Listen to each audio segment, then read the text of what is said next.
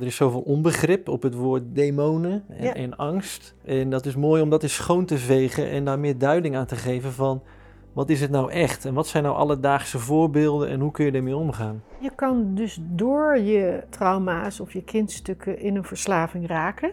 Ja, En als je daarin bent, krijg je natuurlijk altijd allemaal vriendjes die er ook in zitten.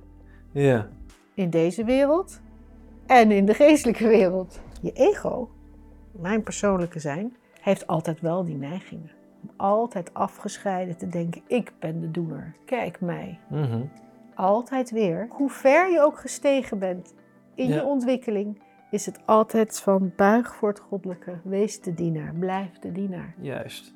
En dat houdt je hier. Het houdt je niet klein, nee, het houdt je hier in die orde, in die harmonie.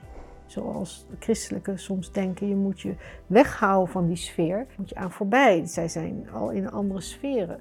Maar naar mijn idee is dat ook een soort dogma waarmee ze dus de- hebben afgebroken dat de mens een natuurlijk contact heeft met zijn voorouders. Alles komt terug in waarheid, in het allesomvattende. En dus ook het donker. En dus ook demonen. En dus ook verdwaalde entiteiten. En dus ook verslaafden. Als we hebben het over dat God liefde is, Mhm. dan, dan zou ik daar niet in vertrouwen als ik het veroordeel als ik of iemand anders een ziekte krijgt of in een andere crisis komt. Dan is dat ook een gift van het goddelijke om je nog dieper hier te stabiliseren met de wezen wat je bent.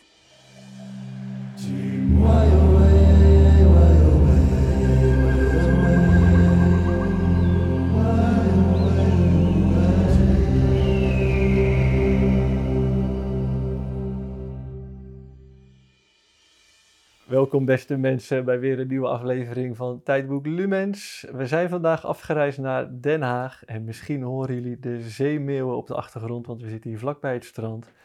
We zijn namelijk op bezoek bij Willemijn Betsem. Dankjewel voor jouw gastvrijheid. Ja, Ja, leuk dat je er bent. ja.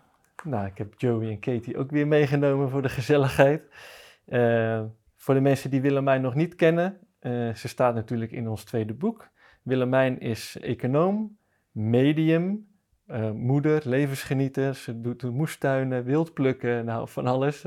Wordt er ook blij van. Dat zijn dingetjes waarvan ik ook denk, dat wil ik ook gaan oppakken. Ehm, voordat wij eh, van start gaan, nog eventjes wat huishoudelijke mededelingen.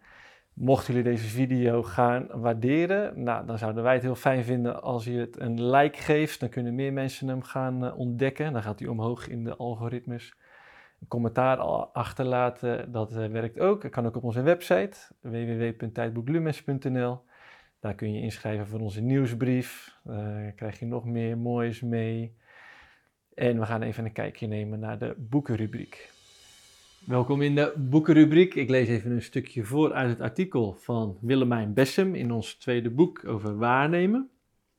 Dit stukje gaat over het proces van groeien in bewustzijn. Toch zul je naast grote helderheid ook verwarring ervaren over wie je in wezen bent. Die verwarring komt vanuit de frequentie van je beperkte persoonlijkheid, die vol zit met behoeftes en angsten die niet zomaar verdwenen zijn. Vandaar dat je op deze weg lang zoekende kan zijn en denkt van alles te moeten doen om iets te behouden of te bekrachtigen. De beweging naar de overgave aan het leven zelf is echter steeds minder doen vanuit je eigen denken. De uitnodiging is om in overgave de handelingen, gevoelens en beslissingen te laten ontvouwen.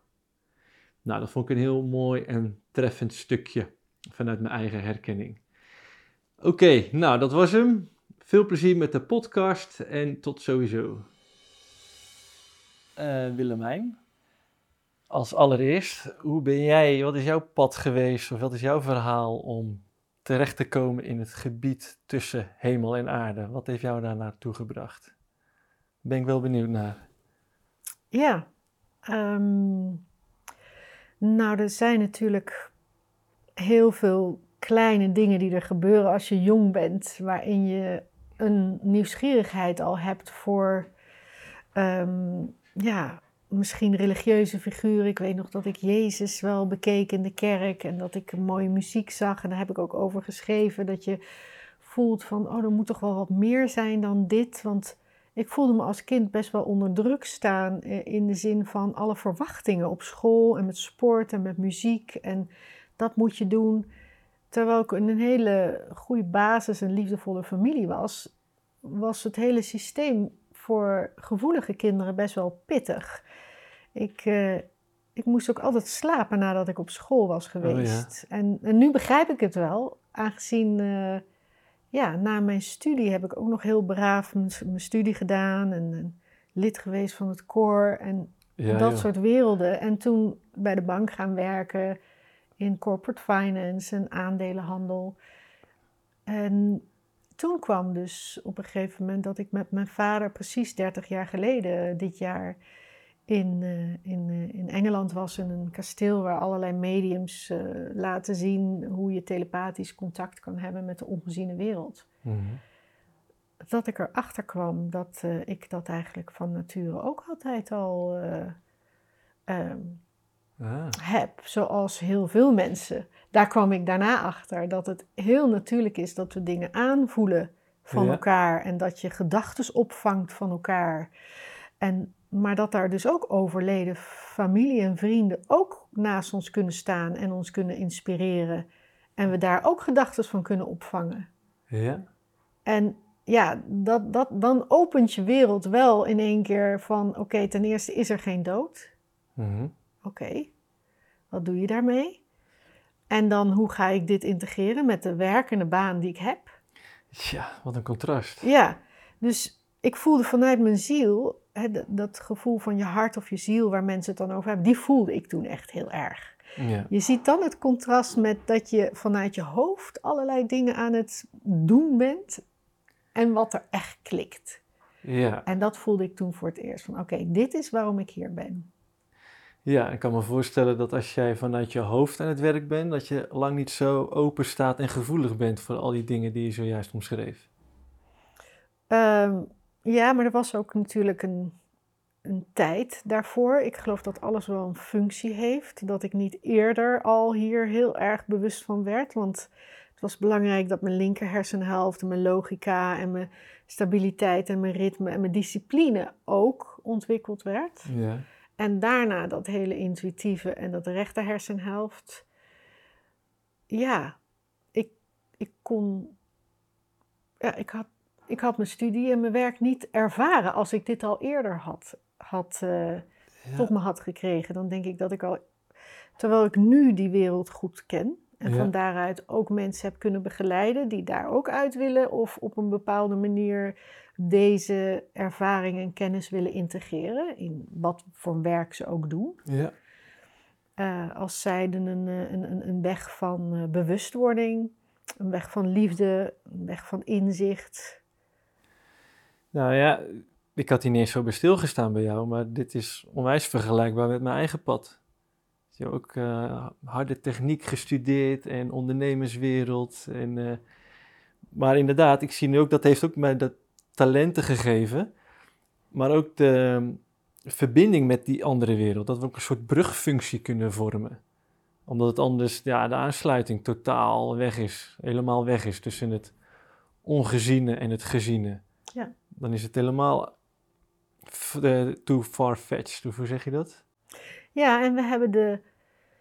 Het was ook mijn streven vanaf het begin, merkte ik wel, dat ik zelf er plezier in had om al die mystificering van uh, mediums en shamanen en helderzienden en gurus en wat dat allemaal is, om die hele eenvoudige taal over te dragen en ook de essentie van alles te gaan voelen. De, de essentie van de yoga practice, van de meditatie, van de boeddhisten, van de...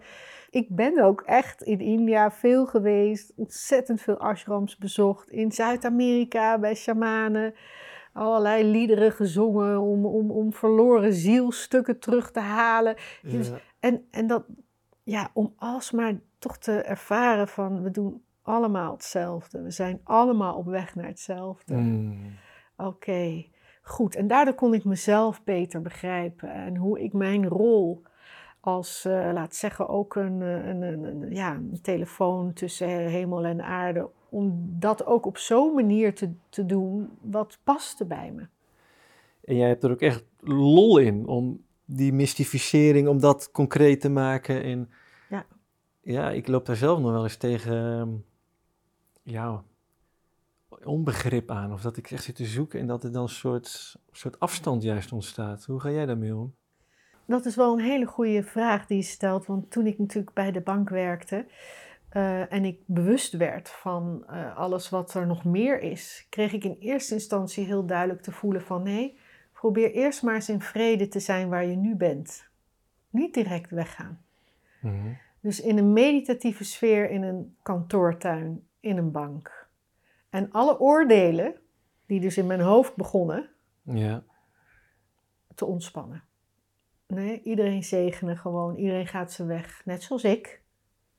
En kijk of ik hier in rust en vrede kan zijn. En pas als ik hier in rust en vrede kan zijn, dan ga ik voelen, heb ik mijn lesje geleerd en kan ik gaan. Wow. Zo werkt het bij elke baan, bij relaties, bij, bij werk, bij, bij een huis waar je woont. Dus dat, dat voelde ik toen heel duidelijk. En, Zo, maar dat was wel even een goed inzicht wat je dan had. nou, dat was, werd me geïnspireerd en ik, en ik vond het eigenlijk ook wel logisch klinken. Want ja, ga het maar eens eerst beoefenen, deze rust in de- zo'n omgeving. Ja, maar ik vind het ook knap dat je daarbij kwam. Want ik kan me zo voorstellen, als ik naar mezelf kijk en anderen om me heen hoor, is dat de eerste reactie is afwijzing. En daar dan ook gehoor aan geven en afstand nemen en weggaan, zeg maar. Ja, en het verhaal is dat je, je mind, je persoonlijkheid, is altijd heel ongeduldig. Dus die heeft een inzicht gekregen en die wil daar direct mee gaan. Ja, Of de wereld redden, of weet Ja. ik wat het allemaal wil. Maar het gaat er dus eerst over dat ik stabieler kan zijn in het veld van vertrouwen, van de verbinding met het grotere geheel. En niet ehm, mijn mind dit weer oppakt als zijn eigen spirituele avontuurtje. Weet je? juist. En, en dat is een heel groot verschil, want je raakt daar ook in allerlei highs natuurlijk. Want Dan denk je, oh jeetje, en, het ego vindt zichzelf dan bijzonder. En die gaat, of, of, of het voelt zich juist buitengesloten, omdat niemand begrijpt wat je hebt ervaren. Weet je, het gaat allemaal van die afgescheiden ideeën creëren eh, en toestanden, want het is gewoon verslaafd aan drama. Dus ik zat daar ook naar te kijken. Ik denk, oh, dat gaat lekker zeg, daarboven. Ja, oké, goed. Ontspannen, hier blijven, vertrouwen. De tijd komt, want dat is wat er gebeurt. Op het moment dat je voelt dat jij deel bent van een groter geheel, Hmm. en ook al voel je wat je hier komt doen, dat je ook, net zoals de natuur en de vogels en de bomen, wacht op dat je mag bloeien. Wacht op dat je vruchten mag afstaan. En niet denkt, ik heb hem, ik kan dit, kom maar op met die vruchten. Ja, Dus het was echt van, oké, als ik vanuit deze frequentie wil leven, waarvan ik voel dat dat ook de bedoeling was, dan moet ik me ook overgeven aan het ritme van de natuur en ook in deze samenwerking. En toen ik mocht gaan bij de bank, Mhm.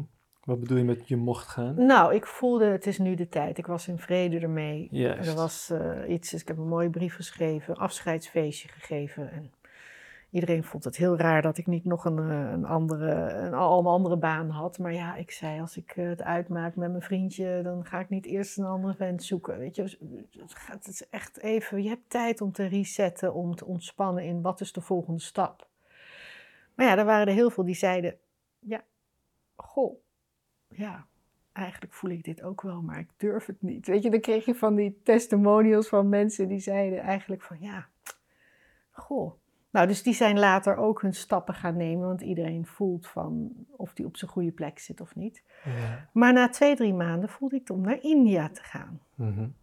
Nou, India was nog wel even een tandje heftiger dan in een kantoortuin Ja. ontspannen. Eh, want ja, het is ook gekkenhuis in extreme daar. In de devotie, in de liefde, in de heiligheid, maar in de vreedheid en de armoede en de viezigheid en het lawaai. Mhm. Dat ik daar ook kwam, ik dacht ik moest hier zijn en ik reisde en ik liet me ook helemaal leiden. Dus ik ging van de ene guru naar de andere ashram. En uiteindelijk heb ik er een gidsje over geschreven, want dat was kennelijk ook de bedoeling. Maar mijn mind had het onwijze moeite mee met alles. Als je zegt van, eh, ja, die weerstand. Oh man, ik voelde Toch een weerstand ja. tegen al die devotiepraktijken en dat knielen bij een guru en eh, allerlei andere dingen die er werden gedaan. Totdat ik dacht, ontspannen. Voel wat er nu wordt, wat er gebeurt. Doe mee hierin en dan Mhm. pas kan ik ervaren wat Ja. dit me geeft. Ik kan niet met een vol hoofd daar alles willen begrijpen, eh, vol met oordelen. De, de genade ontvangen die ze me te geven hebben. Dus eerst leegmaken. Ja, wow. Ja, ik, ik Ja. zit van binnen echt ja, een soort van te lachen van, waar zijn we nou weer beland? Weet je, de afgelopen gesprekken waren al zo bizar mooi, voor mij in ieder geval. En dit slaat nou al gelijk, nou, hoe lang zijn we nou al bezig? Dus we zitten er net in. Het is gelijk alweer van, Ja. Ja, ik zit er ook af te vragen, want ik heb een totaal andere eh, pad gehad. Eh, ik had niet die diepere laag van inzicht om eh, over te geven en het op een diepere laag te zien. Ik ging onwijs in die oordelen en ehm, hoe- ja, hoe lang ben jij Nou- bezig met je inzicht? nou ja, precies. Hoe lang? Drie jaar nu. Maar drie jaar. Dat was echt. Ik werkte gewoon nog bij de bank na drie jaar. En daarna was ik drie, vier jaar in India. En daarna gaf ik, ging ik pas delen in al mijn inzichten. Dus dan heb je het echt over jaren. dus jij had eerst die gewaarwording en Ja. daarna heb je nog drie jaar bij een bank gewerkt. Ik, ik had eigenlijk daarvoor die daarna ging ik elke week meditatief alleen maar zitten. Met mijn familie en mijn zusje en mijn ouders. Om die samenwerking met de geestelijke wereld te voelen. Geduld. Die waren daarin thuis. Ontspannen. Nou, we begonnen gewoon maar. Want ja, om nou de hele tijd naar Engeland te gaan, of weet ik waar. Wat Dus is er in Engeland? Daar kwamen we in contact met andere mediums die al veel verder waren. Die waren al twintig jaar verder. En die vertelden mij eh, Ja. wat, wat, wat mogelijk is hierin. Ik ervoer het ook direct. Mhm. Maar dan begint de beoefening. Ja. Hetzelfde als in India. Je, je, kan, je komt bij een guru, je krijgt een ongelooflijke, onvoorwaardelijke liefdeservaring van het totale goddelijke. Ja. En dan begint de sadhana, dan begint de beoefening. Ja. En dat, duurt, dat kan lang duren, want zoals je ziet, de mind heeft ongelooflijk veel geprogrammeerd gekregen. En niet alleen maar hier, maar generaties lang Mhm. van wantrouwen, trauma. En die breng je elke keer weer in dat veld van vertrouwen. Maar ja, moet je eerst het veld van vertrouwen opbouwen.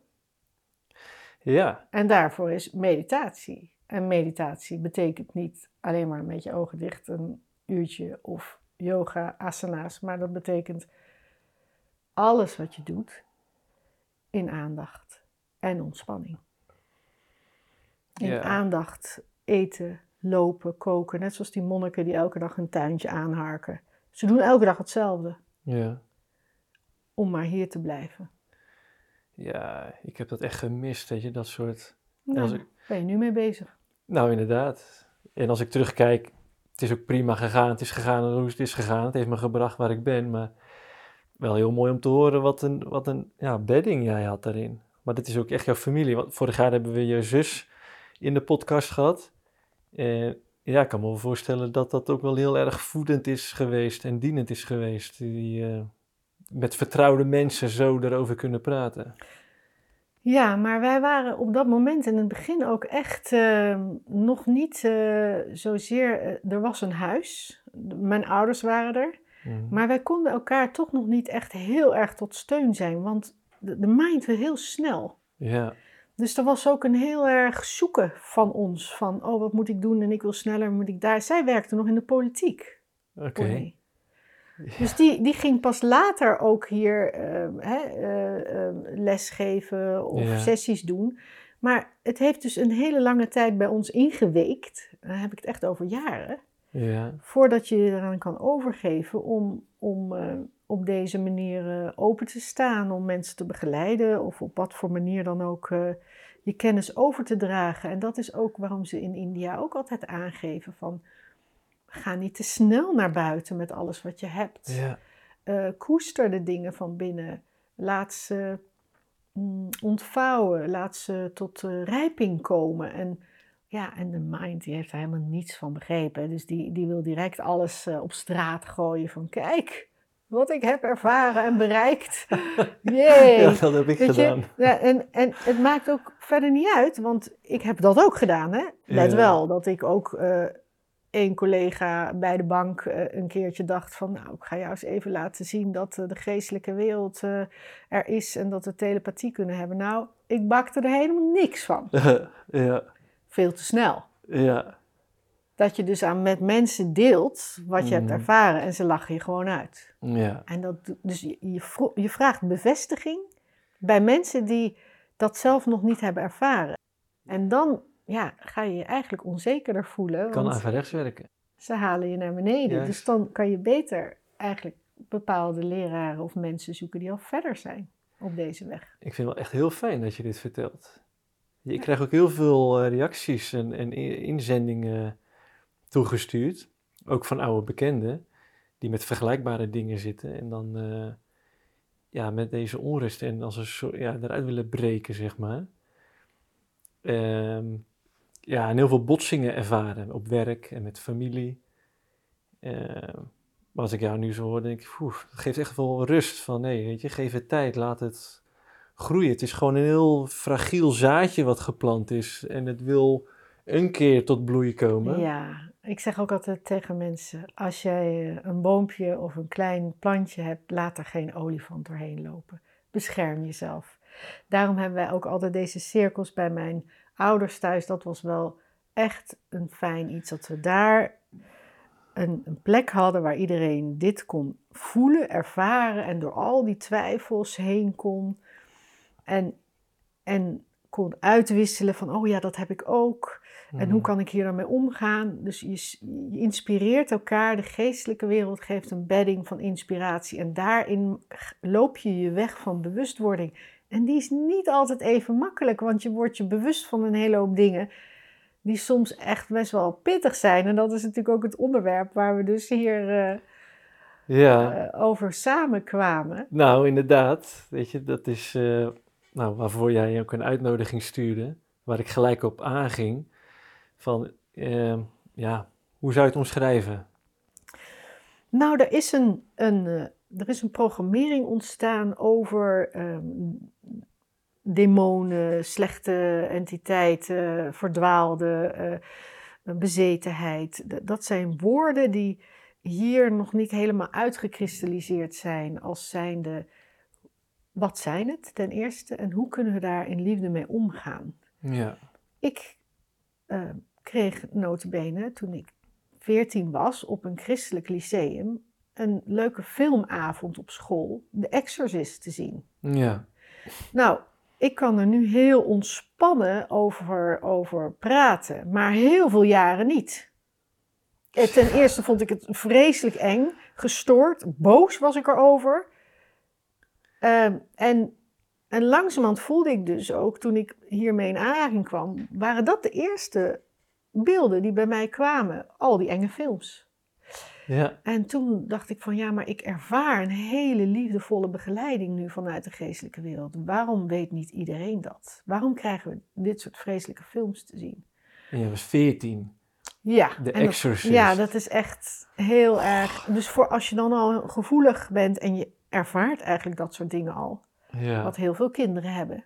Mhm. En dan ook nog die onzekerheid met je hormonen en wie je bent en alles. Ja. Dat is een aardigheid hoor, Mhm. qua energie. Ja. Eh, en dat is dus ook wat je dus ziet in andere culturen, waarin kinderen eh, en, en jongeren worden beschermd ook nog met waar ze mee in contact komen en intimiteit met anderen en drugs en alcohol. En in Afrika en Azië is dat echt niet normaal hoe wij hier met die kindertjes omgaan van ga, ga maar even lekker blowen in, de- in- om de hoek en lekker uit en lekker met vriendjes. Heel onbeschermd. Dat wordt bij ons gezegd als van, dan moet je even doorheen. Ja, en ja. dan als je zo 20 bent, dan heb je het misschien wel gehad of 22. Ja. Maar wat is er dan gebeurd in al die jaren? Waar Ja. heb je, je je onschuldige, open kinderen mee in aanraking gebracht, denkende dat ze daar even doorheen moeten? Ja. Ja, En wat zijn er voor poorten opengezet? ja. En Rudolf Steiner zei ook altijd van, al de, de alcohol, de drugs, die, die, die maken dat je bescherming, je aura, je energieveld allerlei gaten eh, heeft, waardoor er allerlei andere energie in kunnen komen. Ehm, en dat is waar. Zo simpel is het. Ja, die voel ik wel. Ja, je moet altijd echt zwaar bijkomen van een eh, weekend uh, doorhalen. Nou, waar je bewust van bent in ieder geval. En waar je, ik denk dat het nog veel langer door, door eilt, maar waar je niet eens bewust van bent. En hoe is dat te herstellen op het gebied van alcohol bijvoorbeeld? Nou, ik ben Vraag het nu, voor een vriend. Ik ben nu uh, 56, maar als ik nu pas echt me goed realiseer, die laatste jaren, doordat ik ook veel met andere culturen, jonge mensen kijk en mijn kinderen die in de twintig zijn, begin twintig, dat je voelt van, wow, wat heb ik uh, veel ervaren in die puberteit. Ook met uh, vriendjes en ook met uitgaan en ook met, nou, wat, het was allemaal normaal werd het gezien. Hè? Mhm. Nu gebruiken ze nog allerlei andere vormen van drugs ook nog. Hè? De truffels en de MDMA en alles is gewoon. Tijdens de coronatijd waren alle studentenhuizen bezig met een uh, beetje trippen in de astrale werelden. Ja, ja, ja. Zonder begeleiding. Ja, ja. Met een Ah. biertje erbij. Ja. Ja, dat is echt, dat daar wordt dus. En dan kom je natuurlijk over dat gebied van de geestelijke wereld. Uh, wat voor een invloed heeft die dan in dat soort sferen? Mhm. En uh, zijn er dan mensen die bijvoorbeeld bij iemand komen en last hebben van een entiteit? Jonge kinderen of mensen of pubers die zeggen: Ja, ik heb het gevoel dat ik een stem heb die zegt dat ik hè, allerlei narigheid moet doen. Um, wat is dat en hoe ga je daarmee om? Is dat altijd iets buiten jezelf of komt het als gevolg van je levensstijl? Ja. Hè? En dan, ja, dan kom je op een gebied wat echt wel begeleiding nodig heeft. Uh, en wat heel veel dingen kan harmoniseren als je weet hoe je daarmee om kan gaan. Ik ben wel benieuwd hoe dat dan te harmoniseren is. Ik denk dat ik zelf ook gaten heb en, en zoveel mensen. Ik, bedoel, ik ben ook gewoon door dat hele typische puberteitverhaal gegaan, wat je net omschreef. Ja. Nou, ten eerste kan je aangeven van je hebt een ervaring. Je hebt behoorlijk wat ervaringen hoe je je goed voelt en wanneer je je niet goed voelt. Mhm. Dan krijg je een besef. Uh, waarom doe ik dat eigenlijk en wil ik dat opnieuw doen of niet? Mhm. En, en op het moment dus dat je je meer richt op die harmonie in jezelf, dus je luistert meer naar de stem van liefde, de stem die je niet opjaagt, in Ja. plaats van die mind die oordeelt, verleden, toekomst, altijd ongeduldig is, Mhm. dan kom je al in een sfeer waarin je dus dit, ja, je kan het noemen je zielenlichaam, je etherische lichaam, je maakt het sterker, je verbindt je is veel meer daar omdat je aandacht daar is. En deze, de mind met al zijn verwarringen, die dus altijd aanhaakt op al die drama's en uh, ja, eigenlijk zijn energie maar uit handen geeft, omdat het niet weet hoe ermee om te gaan. Nou, en, en oplossingen zoekt in het externe. Ja. Het is ook een zichzelf versterkende visueuze cirkel. Ja. Weet je, want wat ik nou zie is de, eh, veel bewegingen met ceremonies en dingen en zelfhulpboeken en bijeenkomsten die allemaal hartstikke dienend kunnen zijn. Ik heb zelf ervaren hoe dienend het kan zijn. Maar, een hele grote maar, weet je, wat is de echte intentie? En integratie, weet je, wat doe je er vervolgens mee? Weet je, is het een labmiddel, is het een pleister op een wond die langzaam weer weg hebt? En dat je na een tijdje weer die dosis externe voeding nodig hebt? Of ga je die, weet je echt die gaten af te dichten? Door wat je net omschreef is eigenlijk een soort continu gewaarzijn. Ja. ja, ik geef misschien antwoord op mijn eigen vraag, maar... Ja, en kijk, die gaten, dat hoef je ook niet heel heftig te zien, want die zijn er een tijdje en dan wordt het wel weer harmonieus als je veel in de natuur loopt of je doet andere dingen, weet je, dat is niet een soort van... Maar het maakt dat je... Um, je merkt dat je energie wordt verdwijnt. Hè? Als Ja. ik in sommige ruimtes ben, of ik ben bij de bijenkorven met de dolle vrijdagen of zo, dan Ja. voordat je het weet ga je je net zo gedragen als de rest. Want je zit Ja. op die frequentie. ja, En dan kom je thuis en voel je dan vervuld of ben je leeg. En dat zijn op heel veel situaties. Dat je voelt van, oké, waar wil ik zijn? Waar geef ik mijn energie aan? Wat bouwt mijn energie op? In de natuurlijke, harmonieuze staat? Of wat brengt me juist meer in verwarring? Wat Ja. spreekt meer mijn mind aan? En ja, dan zie je dus dat je die externe ceremonies of gurus of andere ervaringen, die kunnen je in verbinding brengen met dit verhaal. En daarna gaat het over dat je dat meeneemt en integreert. Anders is het een zinloze bedoeling. Dat je elke dag voelt van nee, niet te veel naar dit verhaal luisteren van dualiteit, van oordeel, van afscheiding, maar ik vertrouw op de goddelijke leiding die ik in mezelf voel, eh, met behulp van de geestelijke wereld. En ook al gebeuren er vreselijke dingen in mijn leven, of mensen verdwijnen, of eh, het is voor mijn groei om hier te blijven. Daar vertrouw ik op, altijd. Want anders zou het niet consistent zijn. Als we hebben het over dat God liefde is, Mhm. dan, dan zou ik daar niet in vertrouwen als ik het veroordeel als ik of iemand anders een ziekte krijgt of het relatie eh, overgaat of eh, je opeens verhit raakt of in een andere crisis komt. Dan is dat ook een gift van het goddelijke om je nog dieper hier te stabiliseren met te wezen wat je bent. Die vind ik wel moeilijk. Want kan een ziekte of wat er als iets naast gebeurt ook niet betekenen dat het de afwezigheid is van God en van liefde? Maar dan heb je het niet over een all-inclusive concept. Dan zit je nog steeds in het afgescheiden verhaal. Ja, ja, dat is wel heel interessant om even bij stil te staan. Weet je, ja, hoe, zie, hoe zien we dat? Want ik denk, ja, zo vaak in de podcast is dat ook ter sprake gekomen, vorige keer nog. Eh, de eenheid, eh, het allesomvattende, maar dat er ook een geschapen of een dualiteit is. En, en dat we een soort navigatiemiddelen hebben meegekregen, zoals het vermogen om pijn te voelen en trauma. En, en, en, zodat je kunt navigeren bij wat is fijn en wat is niet fijn, wat is liefde en wat is niet liefde. Dat je altijd de weg terug naar huis kan vinden. Zo zou ik dat dan uitleggen. Dus om, ja, ik voelde dan een beetje weerstand op van, komt alles vanuit God, ook de nadigheid. Is, het niet, is nadigheid niet eigenlijk gewoon een signaal van, hé, hey, hier is God eigenlijk wat minder aanwezig?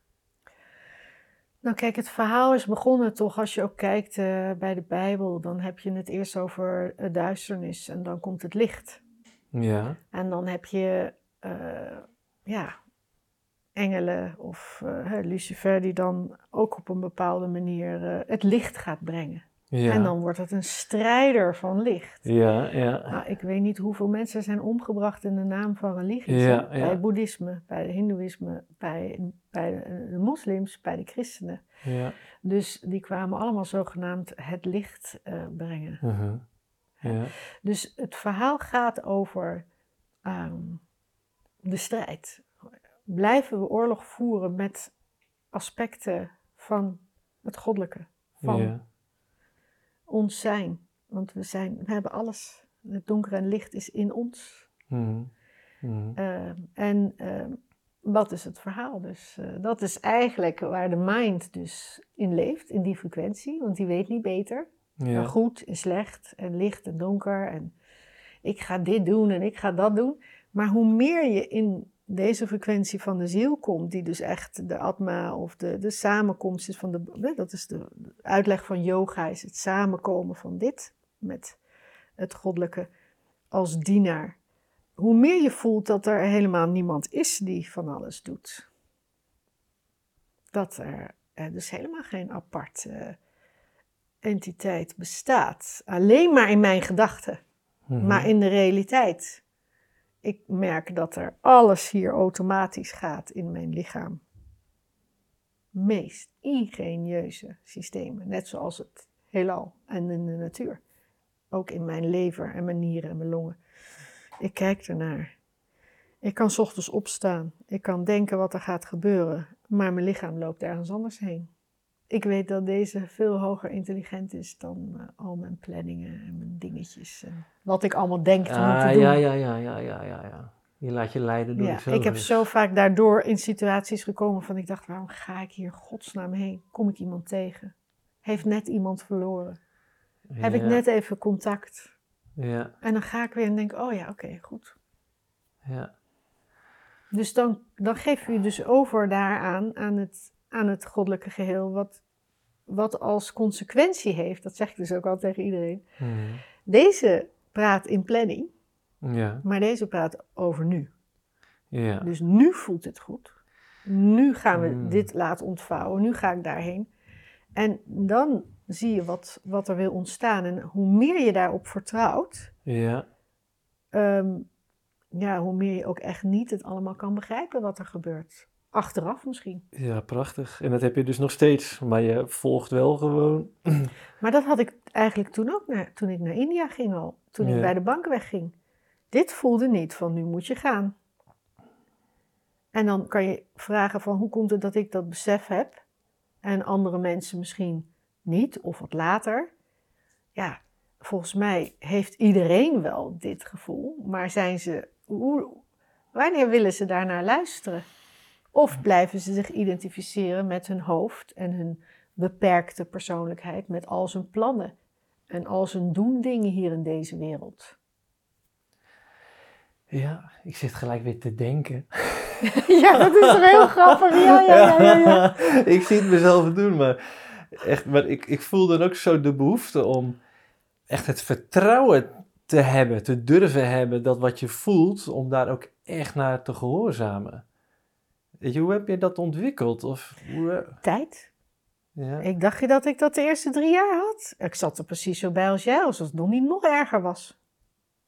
Nou, ja, ja, maar als ik je had dat, echt, ja. ik was, ik, kijk, ik was natuurlijk een stuk jonger, hè, laat wel wezen. Als je wat ouder bent en je hebt dan dit besef, dan ga je er natuurlijk allicht weer anders mee om, want je hebt andere mogelijkheden. Maar ik was best wel jong, 25, 26. Ja, En ja, dus dan zijn er ook nog allerlei andere processen. Dus het kwestie van geduld.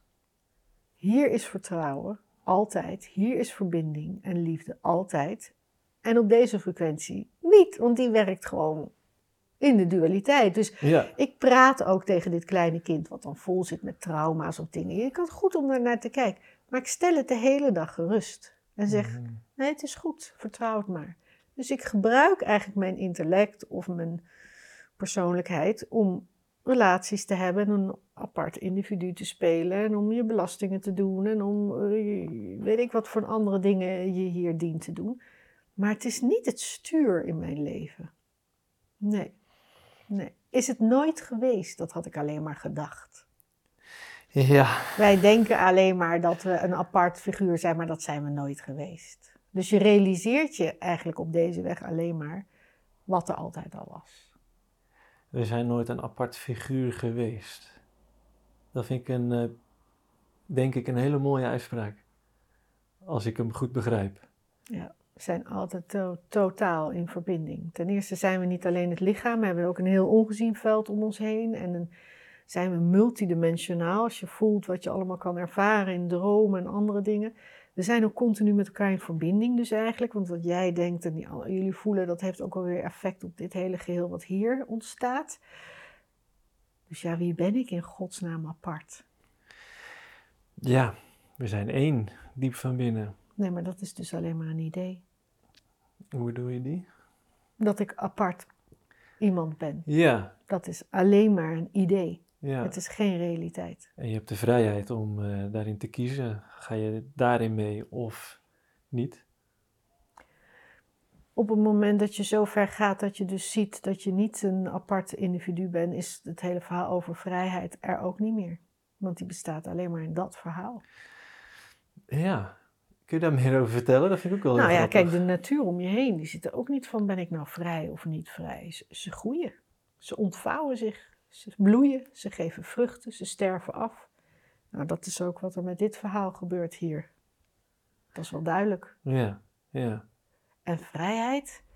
Ik heb niet als individueel egootje gekozen om bewuster te worden van de geestelijke wereld. Het ontstond gewoon. Ik kreeg ervaringen. Daarna word je nieuwsgierig. Daarna ontmoet je mensen. Daarna krijg je diepere beseffen. Wow, deze kon niet eens bijhouden.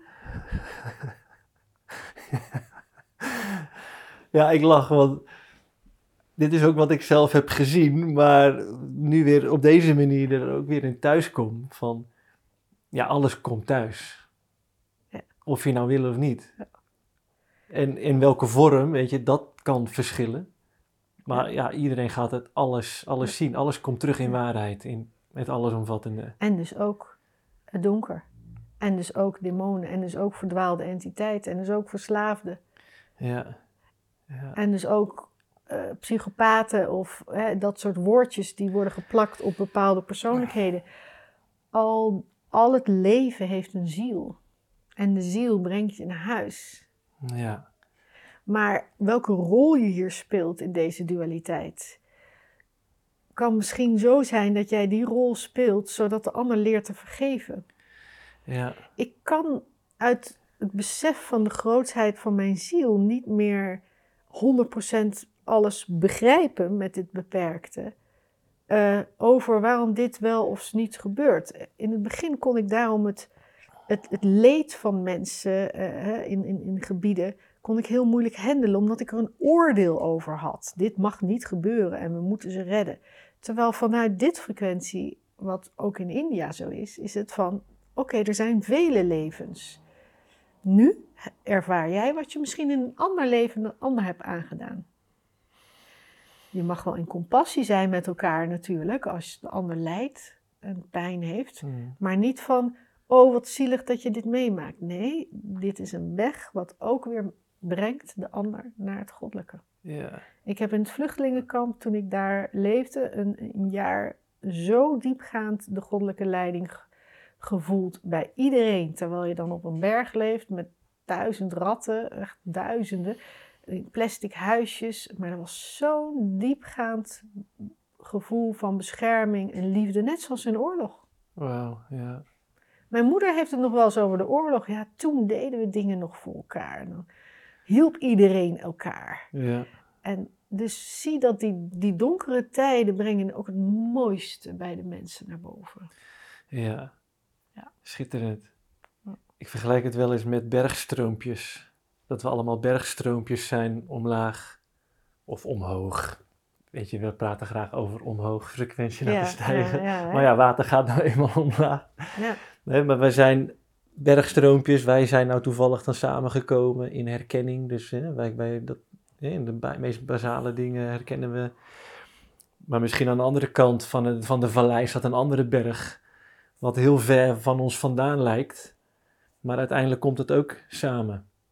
En aan de andere kant van de oceaan zien we ook bergen staan. Nou, dat is dan misschien wat we duister noemen zelfs. Van nou, dat is echt tegenovergesteld wat wij doen. Ja. Maar uiteindelijk komt dat ook samen. Ja. En dan zie je, oh, we waren eigenlijk allemaal op zoek naar hetzelfde. Ja, het, het, het is gewoon zoals het gaat. We hebben, we, die zoektocht is ook iets wat ontstaat in het persoontje. Totdat je het beseft en dan Ja. houdt het op met zoeken. Ja. En dan ben je datgene wat je daarvoor ook al was. Misschien gelijk een mooi moment om jouw artikel even, de titel die wij als redactie voor jouw Ja, artikel hadden had gekozen.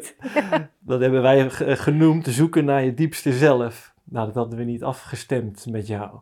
En jij zei zoeken naar je diepste zelf. Nee, dat is, dat is een titel die ik niet zelf eh, eh, bedacht zou hebben.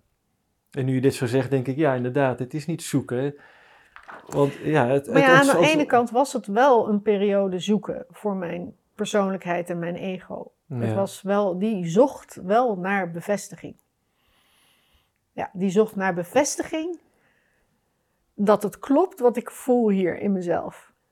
Be- Begint het ook niet altijd zo, ieder leven? Ja.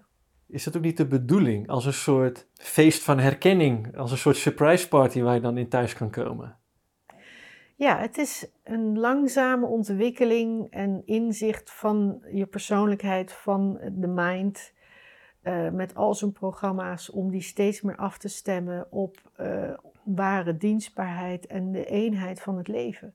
Dus elke keer als dit praten over afgescheidenheid, dan, ben ik toch weer iets naar buiten aan het brengen wat niet waar is. En daar moet ik ook op letten. Want dacht je dat ik eh, niet mijn verhaaltjes ook heb over die en over zus en over zo en wat er gebeurt.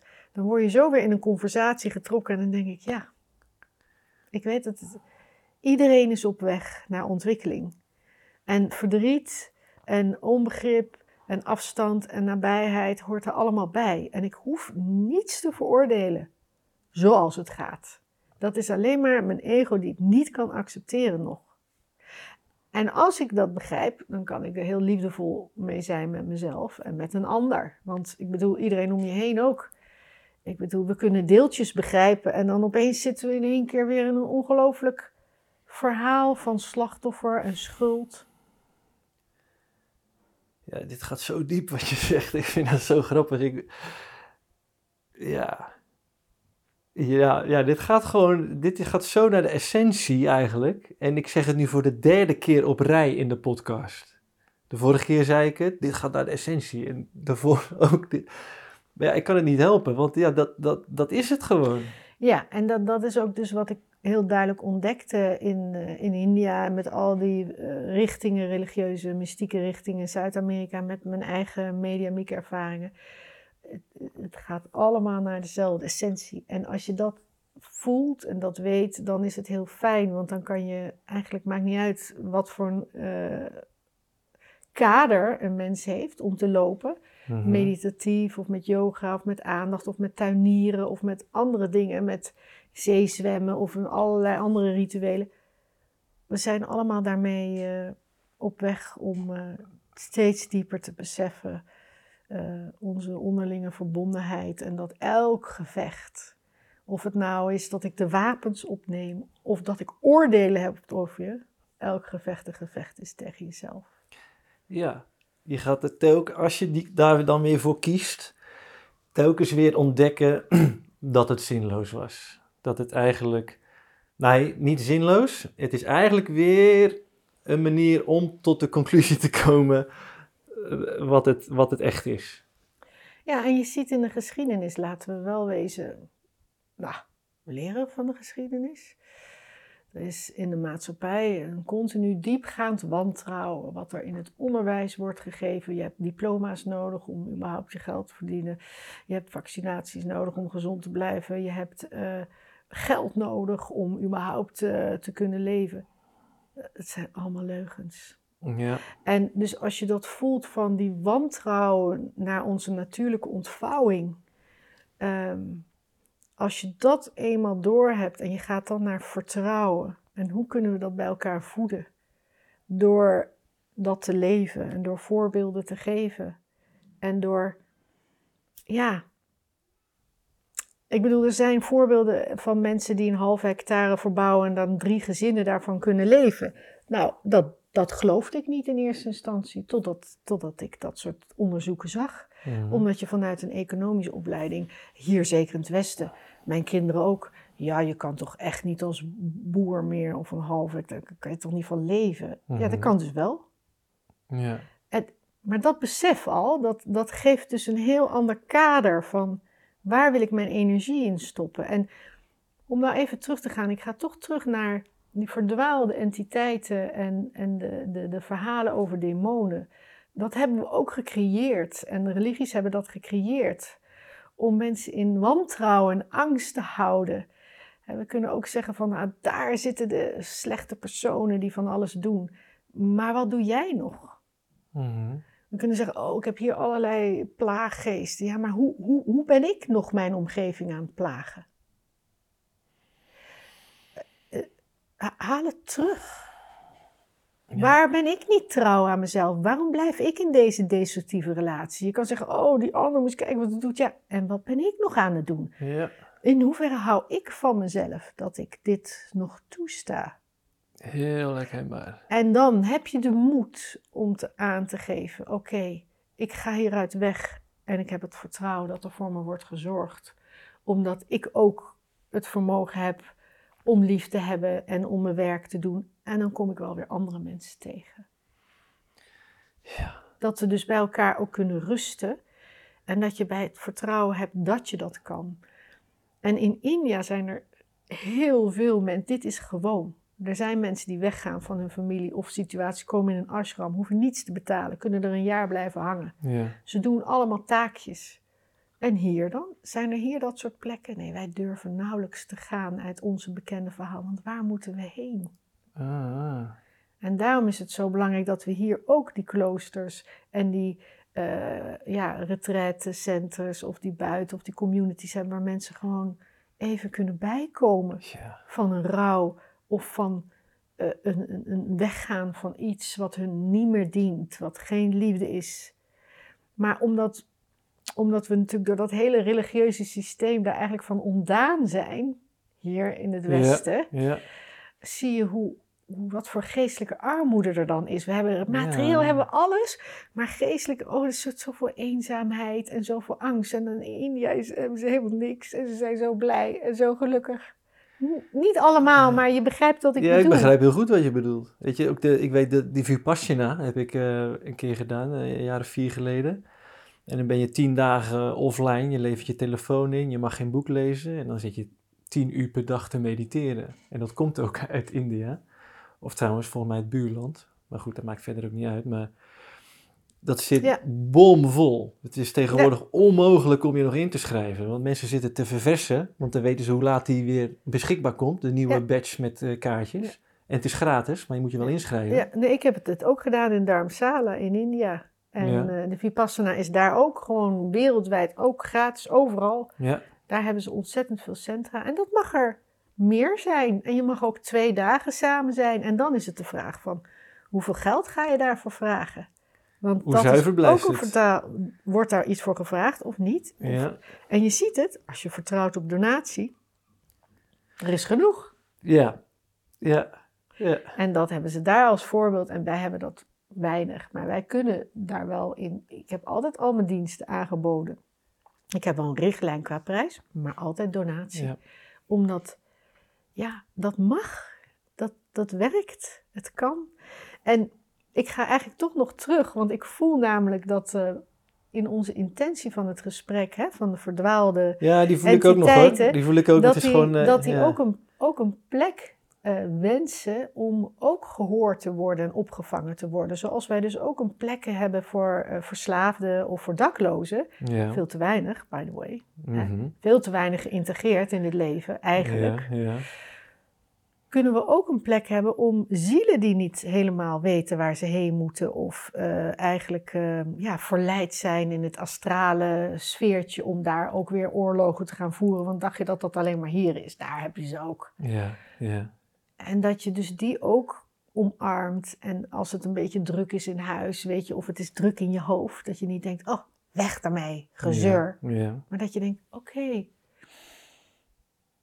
kom maar bij mij, Mhm. kom maar thuis in mijn hart. Mhm. Niet mijn, want dat hart is verbonden met alles. Ja. Want zo heb ik ook een keer een droom gehad. En dat, dat hoorde ik bij een interview van jou. Dat ik eh, ook in het begin werd getraind eh, in, eh, in, eh, in mijn dromen. Dat ik reisde naar gebieden waar alles door de kamer vloog. En alles was dan bezeten in het huis. En dan, en dan werd er gezegd, nou, ga het maar rustig maken daarin. Of dat er een monster op me afkwam. En dan, hoe gaan we daarmee om? En dat ik elke keer voelde dat op het moment dat ik mijn hart opendeed, zo in verbinding met het goddelijke, hè, Ja. kwam alles tot rust. En alle monsters zo verdwenen. Ja, ik zou hier wel wat meer op willen inzoomen ook met je. Want Ja. ra- raad je dit aan iedereen aan om, om dat te doen? Van kom, kom maar binnen en, en, en kijk maar wat er gebeurt? Of, of hebben we daar nog iets van... eh, Op het moment dat ik denk dat een ander mij van alles kan aandoen, geef ik die ander dus ook de kracht om dat te doen.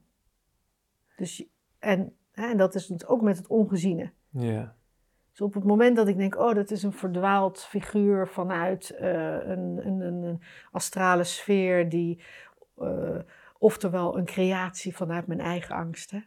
Want ja. het ligt heel nauw samen. Hè? Nou, daarom voelt het ook als glad ijs. Want ja, hoe stabiel ben je? En dat- jij doet het blijkbaar, dus dat vertrouw ik jou dan toe. Maar ik weet niet of ik daar zelf dan stabiel en krachtig genoeg voor ben om daar helemaal bij te blijven. Nou, voor mij was het ook de eerste keer. Je moet gewoon gaan zitten in het vertrouwen. Mhm.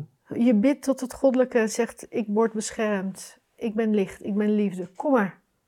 is ook wel iets om naartoe te groeien. Ja, het is ik. niet zo dat ik me in onveilige situaties ga zitten begeven buiten, wat een beetje, hè.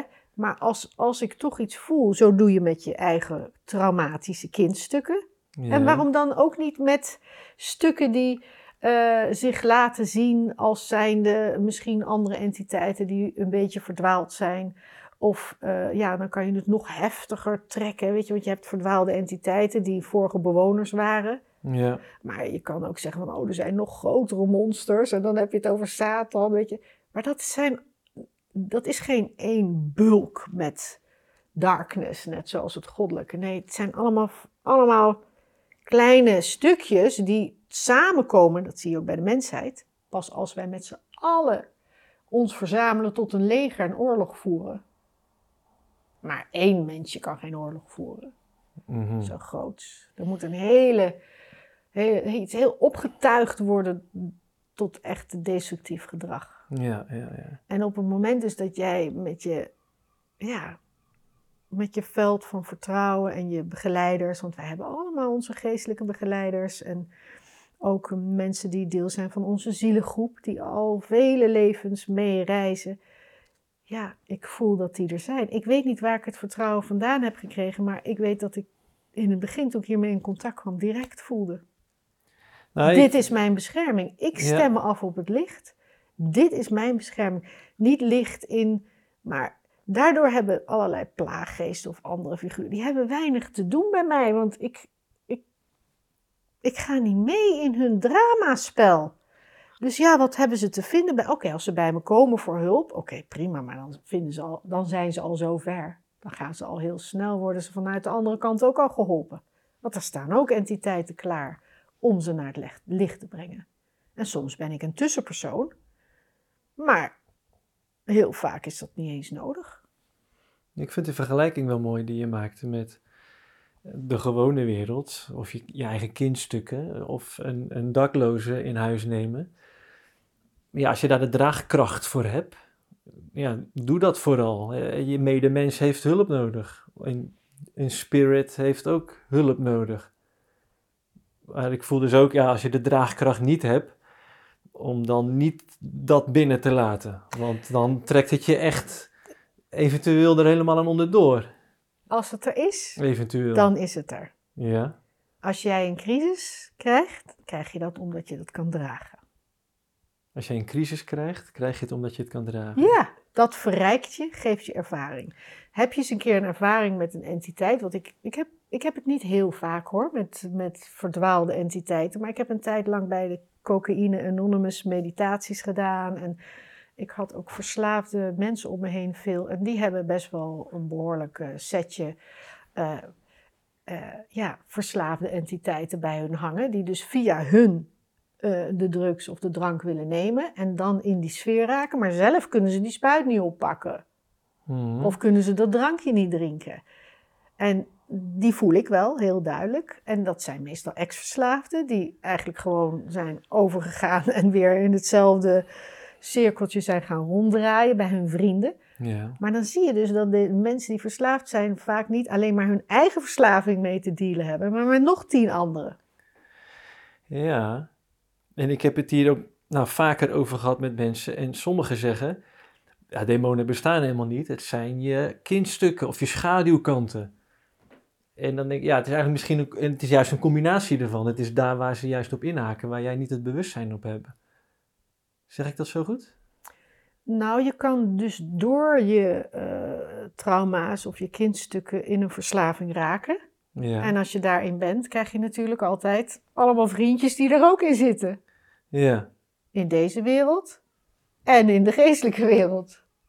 En dit is een heel duidelijk voorbeeld, maar ik zie dat eigenlijk op elke laag. Ook als je in een corporate zit. Hè? Als, je, als je echt voor macht gaat, Ja, oef, dan krijg je allemaal entiteiten die maken jou wel even, ja, ja, ja. even de machtigste man van de wereld. Of in onze spirituele beweging. Ook, die maken jou de ghoul. Ik weet, je wil niet weten hoeveel ghouls ik in India heb gezien die uit een totale zuivere sadhana eigenlijk groeide tot een leraar waar mensen kwamen en op een goed moment gewoon verleid werden door al het geld en de vrouwen. Ja. En in één keer, boem, hun persoonlijke lessen ook naar boven kwamen.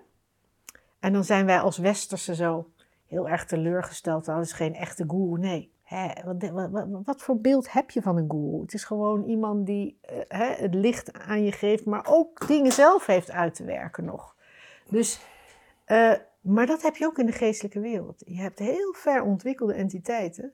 Mhm. Dat zijn de gevallen engelen. Ja. Die zijn misschien in een, een of ander astraal koninkrijk verdwaald geraakt, waarvan één entiteit zich heeft uitgesproken als de god van het christendom of van de, van de Hin- hindoeïsten. Hebben natuurlijk zoveel goden, wel 2000. Ja. Maar laat zeggen dat jij daar nou toe wordt aangetrokken, omdat dat jouw opvoeding is geweest. En dan ben je aan het werken voor deze entiteit die zichzelf uitspreekt als het allerhoogste. En dan, en dan groei jij in inzicht en kennis en dan kom je gelijk aan hem en dan zeg je, jij bent eigenlijk helemaal niet het hoogste. Mhm, mhm. En dan word je boos. Je denkt, je, je hebt me voor de gek gehouden. En dat Ja. gebeurt ook in de ashrams met goeroes. Ja. En dan zeggen ze, ja, jij vertelt van alles, maar je doet iets anders. Ja. En dan maken ze vaak af en dan worden dit de grootste tegenstanders. En dan is er weer oorlog. Ja. Dus zo valt een engel. Ja, maar bijvoorbeeld, eh, hè, je kan natuurlijk zien dat het, het- het- eh, de moslimreligie is ontstaan achter een tegenbeweging van, naar het christendom. Die hebben heel veel dingen ontkracht daarin, omdat ze daar allerlei dingen niet in eh, oké vonden.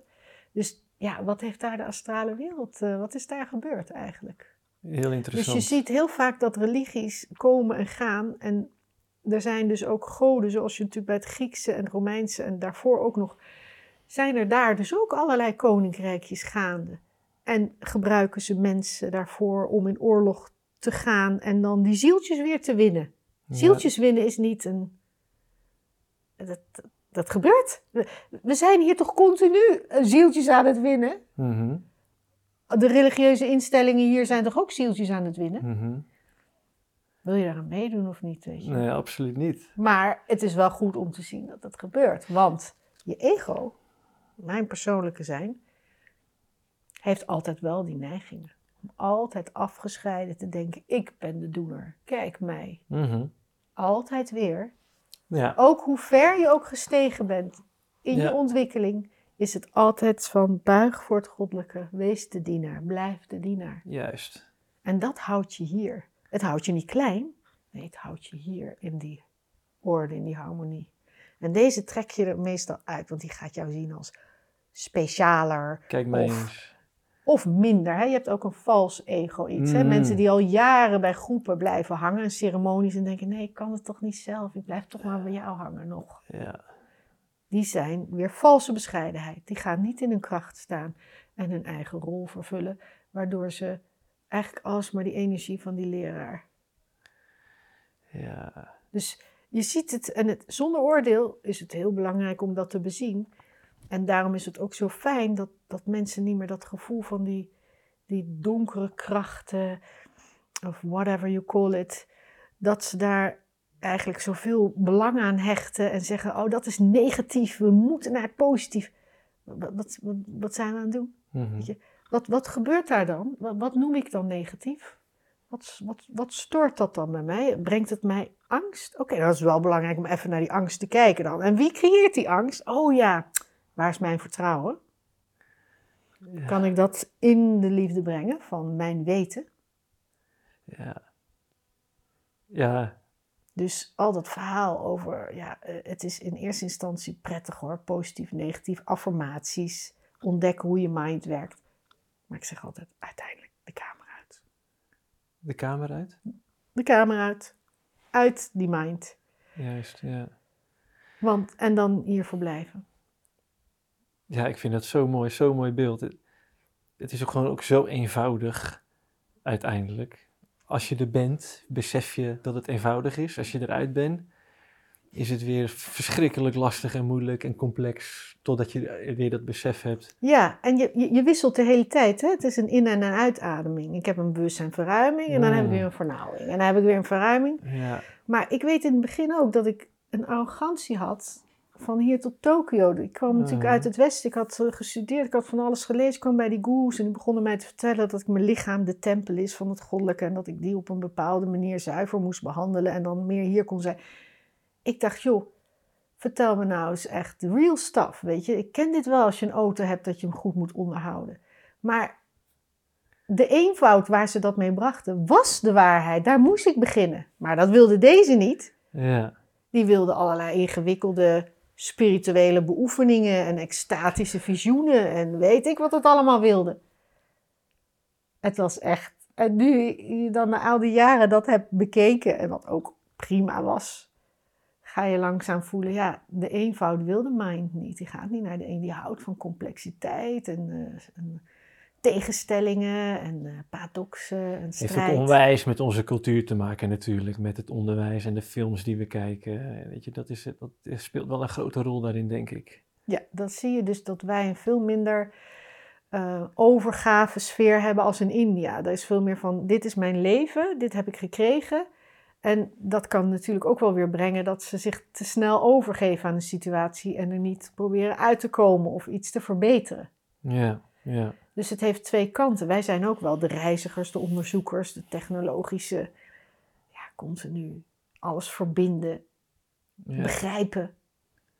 Hey, en waarom is dat zo geschapen? Hè? Dat vraag ik me dan af. Ik bedoel, we hadden het net over eh, dat het uiteindelijk allemaal het weer thuis brengt.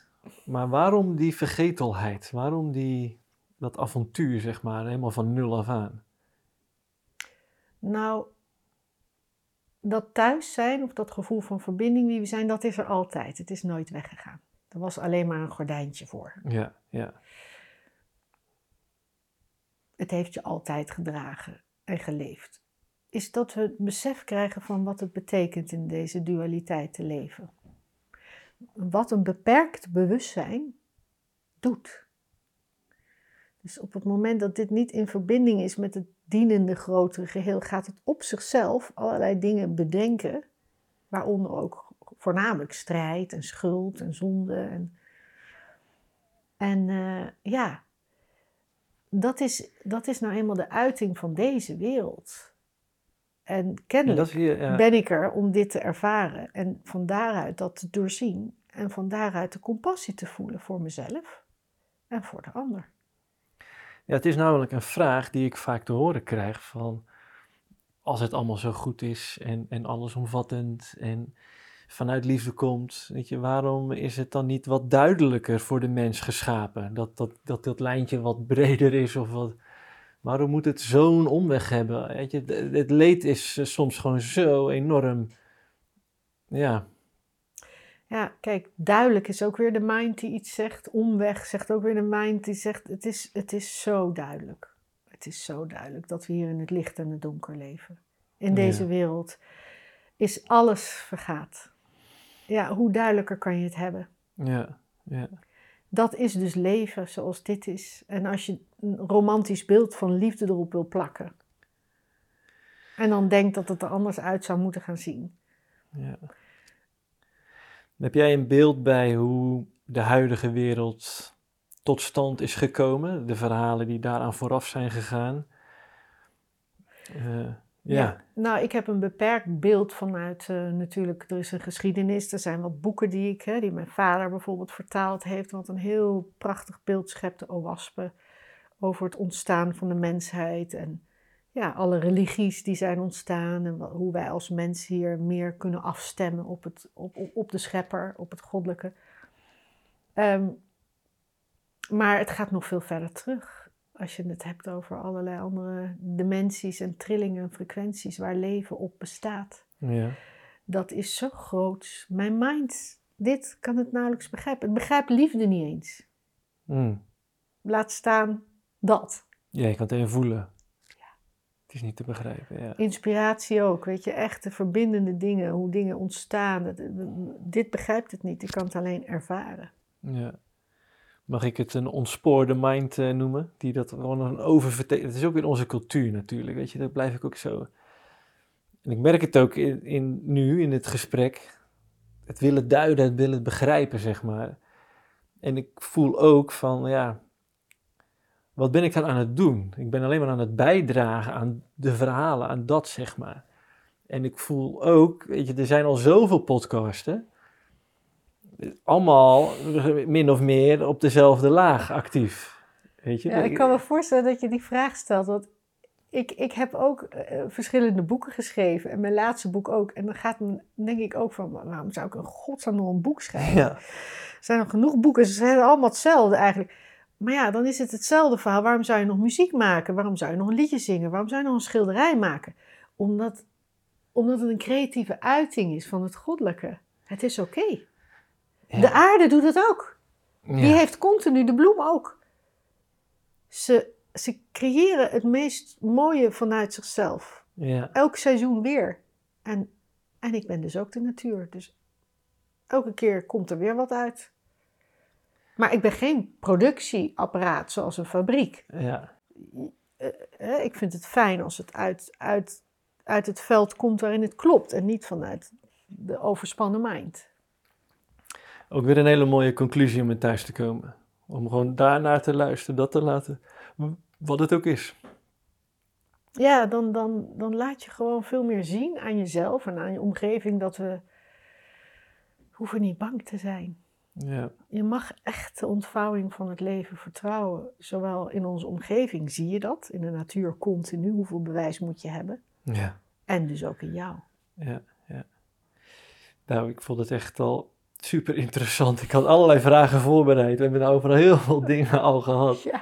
Weet je, maar de, een van de redenen waarom ik zo aanging op jouw uitnodiging om het hierover te gaan hebben, de ongeziene wereld, demonen, dat soort invloeden, weet je, omdat ik zelf, nou, het ook heb ervaren naar mijn idee, maar ik ben er zo onbekend mee. Maar dat bij andere mensen in ieder geval, soms denk ik het ook weer mezelf, nou, je zegt het is gewoon heel aanwezig, maar om een heel concreet voorbeeld te geven, ehm, zonder dan een naam te noemen natuurlijk, maar nou, ik heb wel mensen meegemaakt waarvan ik echt totaal de ratio en de liefde kwijt was. En dat ik echt, nou, voelde, ik was er echt van overtuigd dat dit een demon moest zijn die, die de boel overnam. Jij was de liefde kwijt of zij? De ander. Dus jij niet. Nee, natuurlijk niet. nee, ik, ik probeerde daar echt bij te blijven. En ik ging in op hetgeen er gezegd werd, maar dat glipte telkens alle kanten op en dat ging van kwaad tot erger. Toen dacht ik, maar dit is ook helemaal niet op zoek naar een oplossing of zo. Dit is iets anders. En ik voelde me heel onbekwaam en heel oncomfortabel. Dus het enige waar dat toen in kon eindigen, zeg maar, was gewoon afstand eh, inbouwen.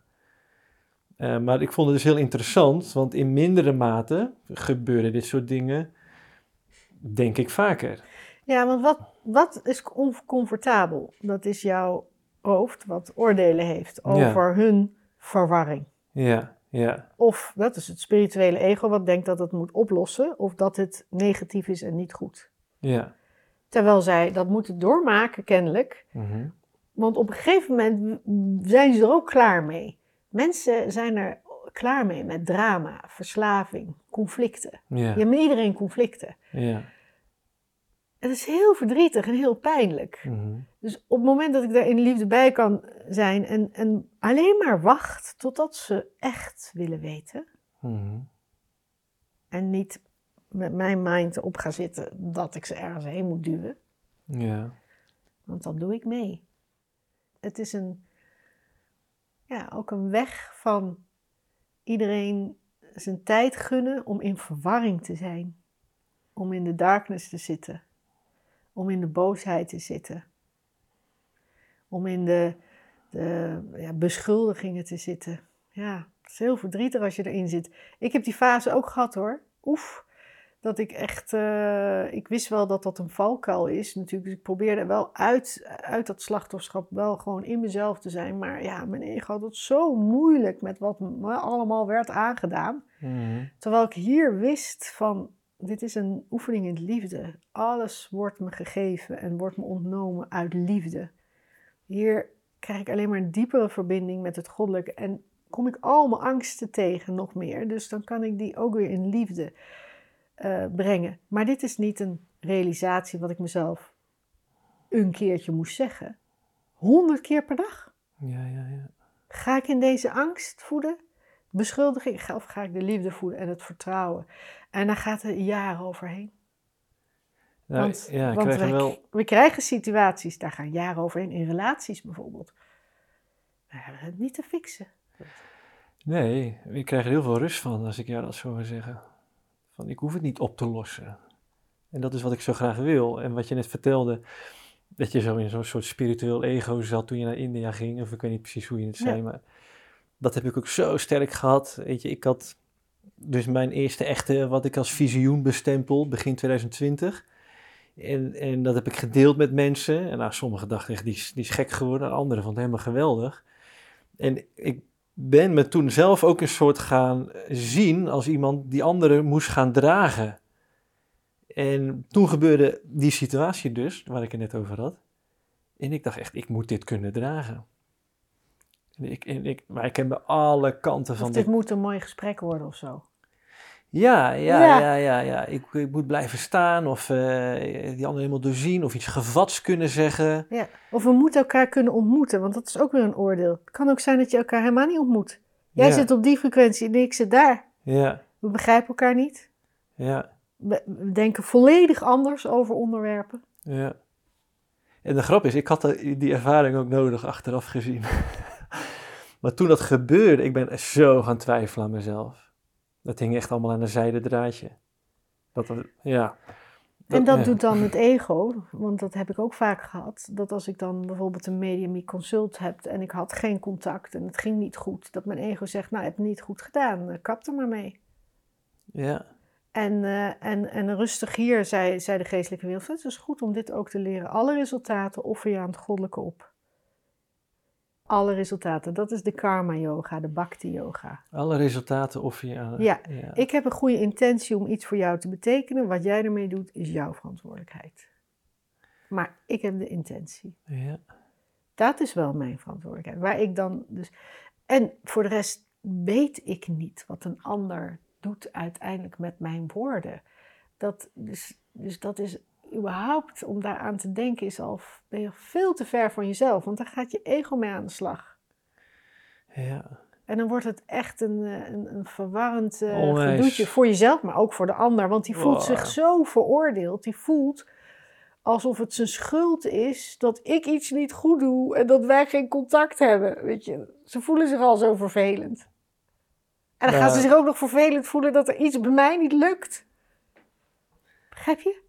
Dat is, ik bedoel, Ik dacht toen heel eh, gevat te zijn dat ik het doorzag. En ik, ik heb toen, heb ik ook daarna nooit meer gedaan, maar ik heb toen geopperd op een hele voorzichtige manier van zou er sprake kunnen zijn dat er een demon actief is.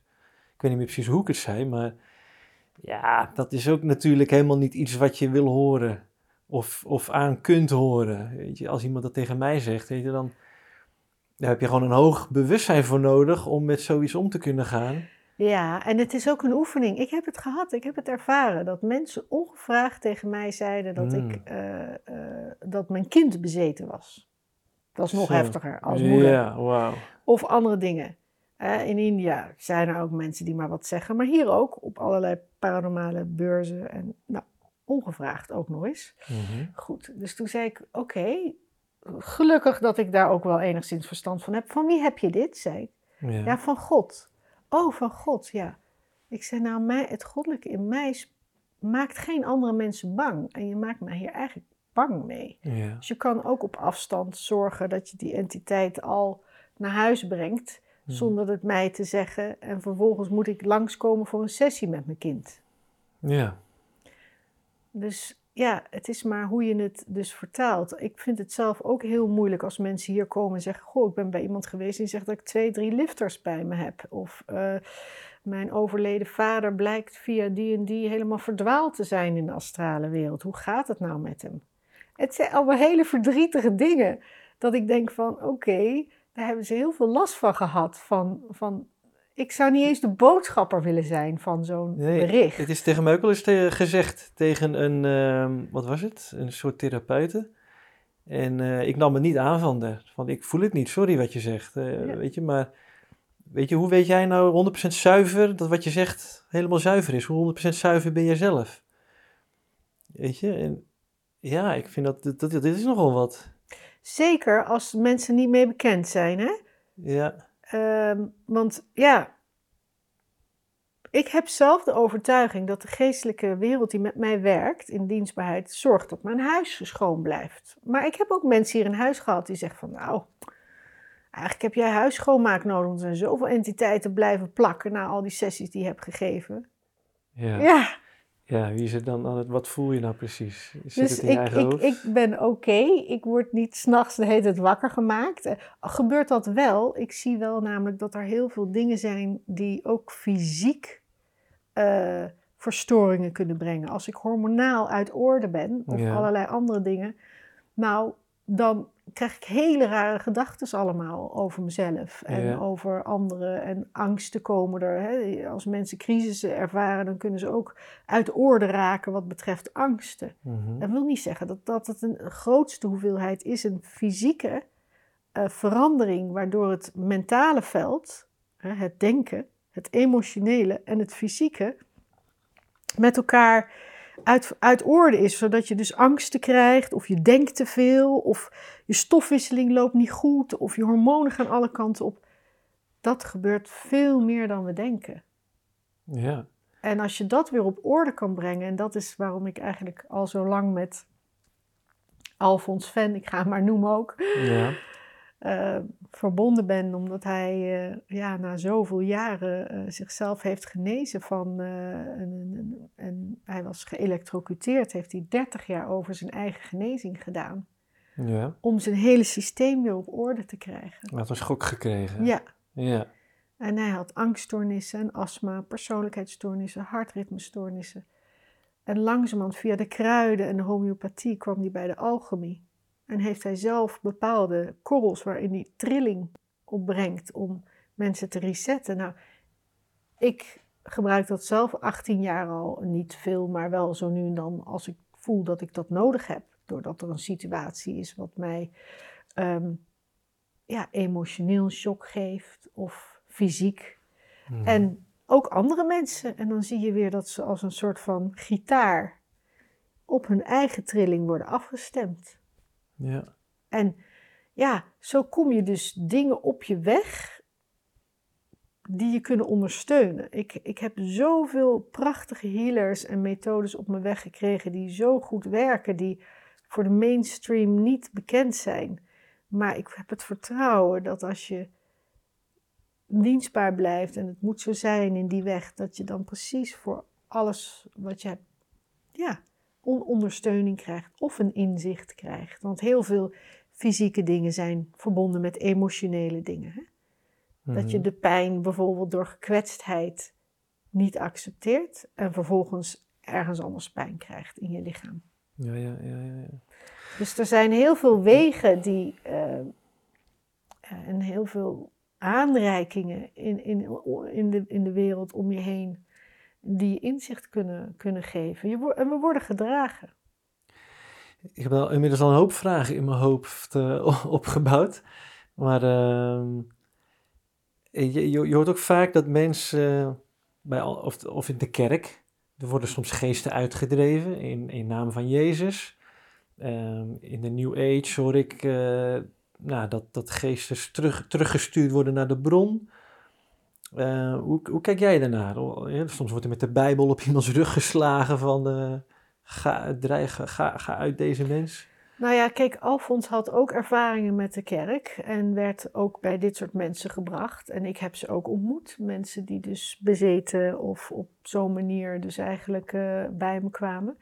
En ik heb wel heel veel ervaren dat het ook een, een echte verstoring is in het psychische systeem, in het lichamelijke en het emotionele en mentale veld. Ze hebben meestal daarvoor of een ziekte gehad, Ja. wat als een virus eh, iets raars doet in hun systeem, of een emotionele shock gehad, iemand verloren. Mhm. En daardoor kunnen ze eigenlijk niet meer goed coördineren hun denksysteem en emotionele veld. Daardoor kunnen ze hysterisch raken. Ze kunnen te angstig worden. Ze kunnen te agressief doen. Je hebt ook mensen die heel agressief worden. Dat is ook een ziekte. Mhm. Eh, dus dat heb ik veel vaker gezien. Ik zie het veel vaker als een, als een uit orde raken. Ze komen dan op een hele verwarrende trilling waar allerlei invloeden erin en eruit kunnen lopen. Dat zie je ook bij mensen die te veel verlichtingservaringen hebben. Die kunnen psychotisch raken en schizofreen. En die moeten dan weer helemaal, want hun zenuwstelsel is volledig, die heeft veel te veel licht gehad. Ja. Dus ik ben altijd zo dat als mensen op die wijze zijn, dat ze rustig in de natuur zitten, dat ze bijkomen. En, ja, en bij Alfons Ven heb ik wel iets ook gevonden wat echte zware verstoringen van de oorzaken ook weer kan resetten. Maar zelf eh, is het een combinatie van dingen die ik aangereikt krijg, die ik dus tot me heb, die ik weer doorgeef. ja. Maar ik zie niet vaak mensen bij mij die komen die echt eh, een entiteit eh, hebben die ze zwaar verstoort. Het is meestal soms wel eens dat er iemand is die graag contact wil. Misschien een overleden familie die zo graag Ja. wil vertellen dat het oké is. Of, of zo belast is van Ja. wat ze hebben gedaan. Dat ze het op die manier... En daarna is het rustig bij de mensen ook. Ja. Nou, dit was ook een van de redenen waar, waar we het vorige week al over hadden toen we zaten uit te wisselen over dit gesprek. Ja. Van ja, er is zoveel onbegrip op het woord demonen en, Ja. en angst. En dat is mooi om dat eens schoon te vegen en daar meer duiding aan te geven van wat is het nou echt en wat zijn nou alledaagse voorbeelden en hoe kun je ermee omgaan. Ja. In, in plaats van dat het iets ver van ons bed is. Ja, al- altijd maar- nee, het zijn soms hele kleine dingen dat ze even contact willen maken. En sorry omdat het hun te veel belast. Of omdat het oude inwoners zijn van het huis. Ik heb dat wel eens van hier in dit huis ook. Maar ik heb altijd wel dan een fijn gesprek. Dat ik denk, oh je bent even op bezoek weer. Want dan ruik ik bijvoorbeeld rook, omdat hij heel veel rookte. En dan, en dan denk ik eraan. Maar dan ben ik ook dankbaar voor wat hij heeft gemaakt in dit huis hiervoor. Je, je- ze mogen ook eens nog opzoeken en even hallo zeggen. Ik zie dat niet als, eh, als heel erg verstorend. Maar als ze niet weten dat ze over zijn en ze blijven hangen en ze, Mhm. ze vinden het vervelend dat jij in een huis zit, Mhm. ja, dan is het wel fijn om daar even voor te gaan zitten, een babbeltje mee te hebben van, goh, ehm, heb, besef je dat, dat je in een andere wereld al zit en zie je Ja. je vader en je moeder naast je. Eh, en dan haal je andere entiteiten erbij die, die ze kunnen begeleiden. Ja, ik vind het fijn om te horen, weet je, want ik, heb, ik merk dat ik hier nog ook een ongemak bij, bij ervaar en bij voel. Weet je, ook toen we dit gesprek begonnen, schoot ik ook eventjes in een soort, was ik even van me apropos, dat is ook een beetje een verrassing van, hé, hey. ik denk dat dat ook de reden is waarom ik op je uitnodiging inging, van, hé, hey, laten we het daar eens over hebben. Want ik voel dat het een, een ongeziene rol speelt. En zolang we daar niet over praten en op tafel gooien, ja, blijft het een rol spelen. En dat is wat we aan het begin van de Lumens en van de podcast al zeiden. We willen helemaal naar de oorsprong van alles. Als we niet eerlijk durven te, te kijken naar wat dan ook, ja, blijft datgene nog een rol spelen. En dan zijn we nog steeds niet helemaal vrij. Ja, dat is het. Met, ook met trauma, met je kindstukken, maar ook met, met, met, met verdwaalde entiteiten of allerlei ongeziene sfeertjes die je voelt. Ja, Ja. mag dat er zijn? Zie je dat dat een onderdeel is van leven? Ja. Ik, ik kan me voorstellen dat veel mensen, dat heb ik nou mezelf ook namelijk, maar hoe doe je dat precies? Hoe ga je zo'n gesprek aan? Ja, Ehm, nou, ten eerste ga je zo'n gesprek ook aan met jezelf, hè? met je eigen kindstukken en misschien met je buurvrouw of je buurman die het moeilijk heeft. Mhm. Dus dan ga je ook steeds meer oefenen om met ongemakkelijke situaties van anderen liefdevol aanwezig te zijn. ja. Te kijken wat is er nodig, wat, wat wil je. Mhm. En zo ga je dan ook om met iemand die is overleden en die je voelt. Hetzelfde soort gesprek. En als je je er ongemakkelijk bij voelt of het gewoon niet wil? Oh, dan vraag je of jouw begeleiders de andere persoon weg, eh, wegbrengen. Ja. Ja, dat je denkt van nee, daar sluit ik me even voor af. Ik ga ook niet eh, hier op de stoep iedereen die voorbij loopt even aankaarten van Ja. ik ben gewaar van jou. Ja, Wat kom je hier doen? ja, ja, ja. ja, nee, ja. ze lopen even langs.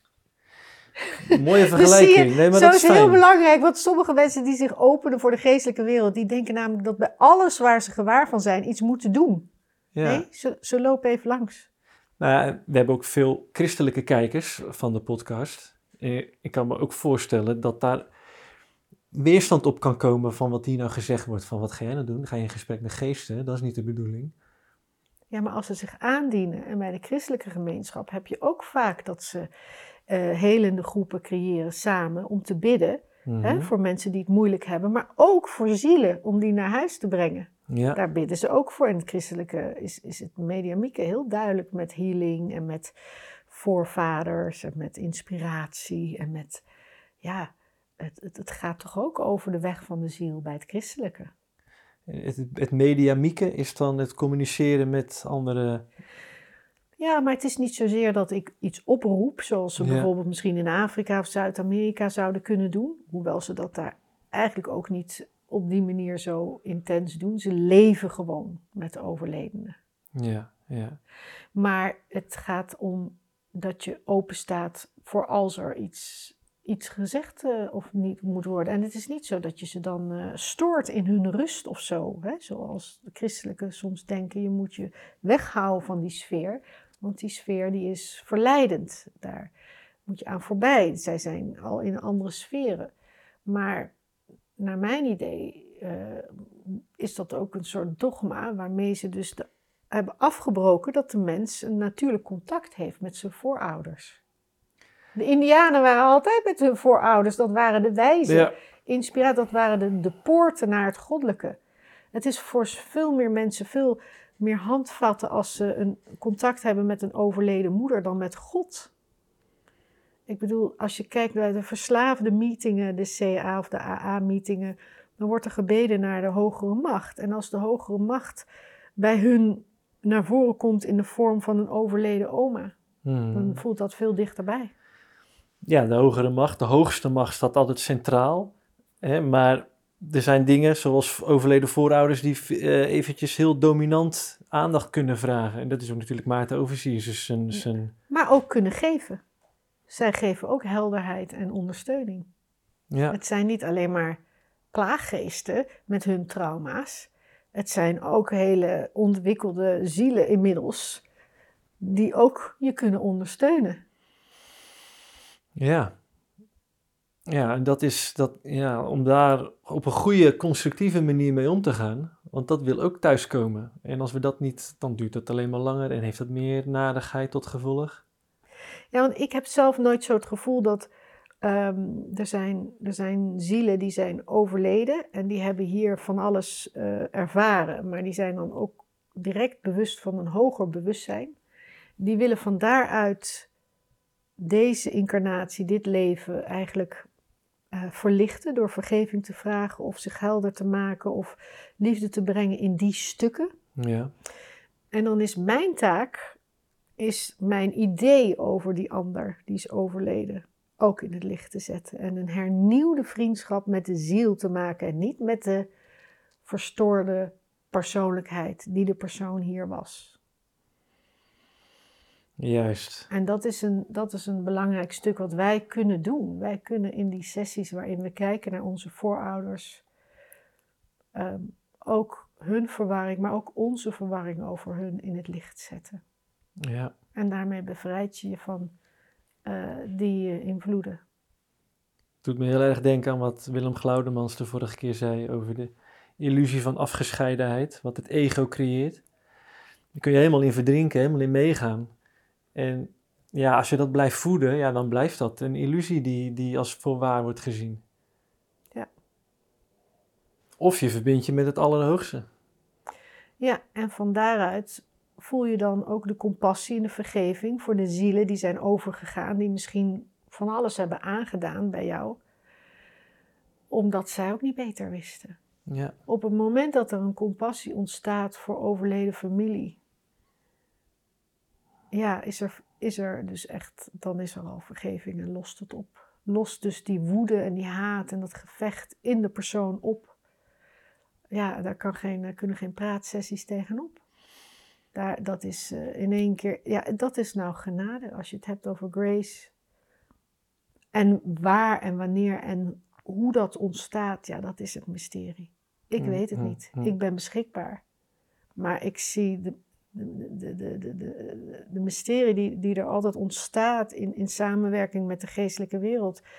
Ja, ik sta daar naar te kijken en ik ben alleen degene die de ruimte creëert. Waarin er dus een uitwisseling kan zijn, een gesprek of een meditatie of een oefening. Maar de dynamiek van hun ziel met het hele ongeziene veld en met het goddelijke, ja, die creëert. Of iemand echt een inzicht krijgt, of nog niet. En dat is, ben ik niet. Dus we hebben eigenlijk alleen maar bedding te geven. Ja, ik voel me altijd een soort reisleider in de ruimte. Ja. Is dat een mooie afsluiting van het gesprek? Ja, misschien wel, ja. Zijn we het niet allemaal eigenlijk? Ja. ja. Of Ja. gewoon een reiziger. Een reiziger, dat is het. Want ja, soms leid je iemand en soms word je geleid. Hè? Ik heb heel veel leraren ook, waar ik me ook veel op afstem.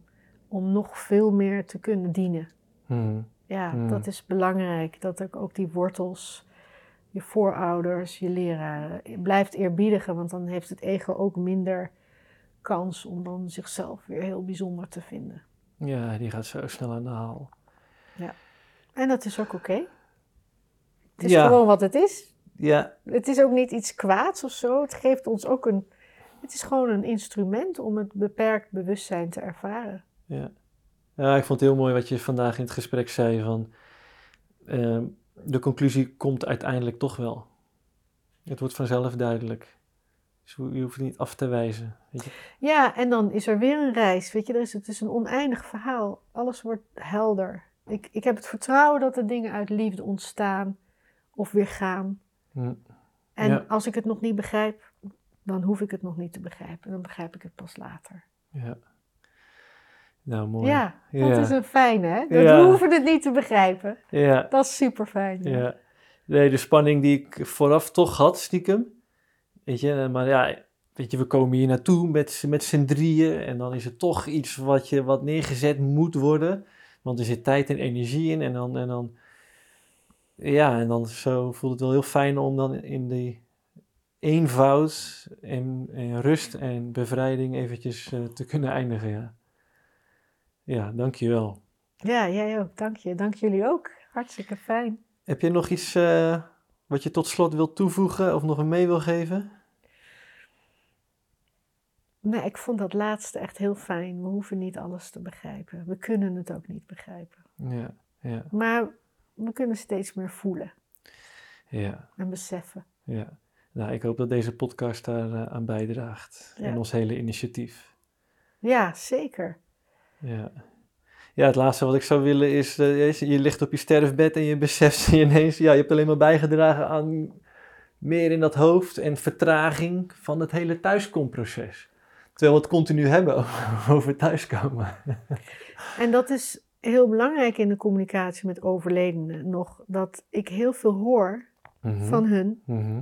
waar zij spijt van hebben dat ze dat Ah. niet hebben gedaan. Dat ze het niet hebben gedaan. Ja, ze hebben meer spijt van wat ze niet hebben gedaan dan wat ze wel hebben gedaan. Die hoor ik vaker. En dat is dus meer verbinding en liefde en vertrouwen. Ja, En hun eigen weg gaan. ja. Dat, dat verhaal. Ja. Nou, prachtig. ja. Dankjewel. Oké, goed.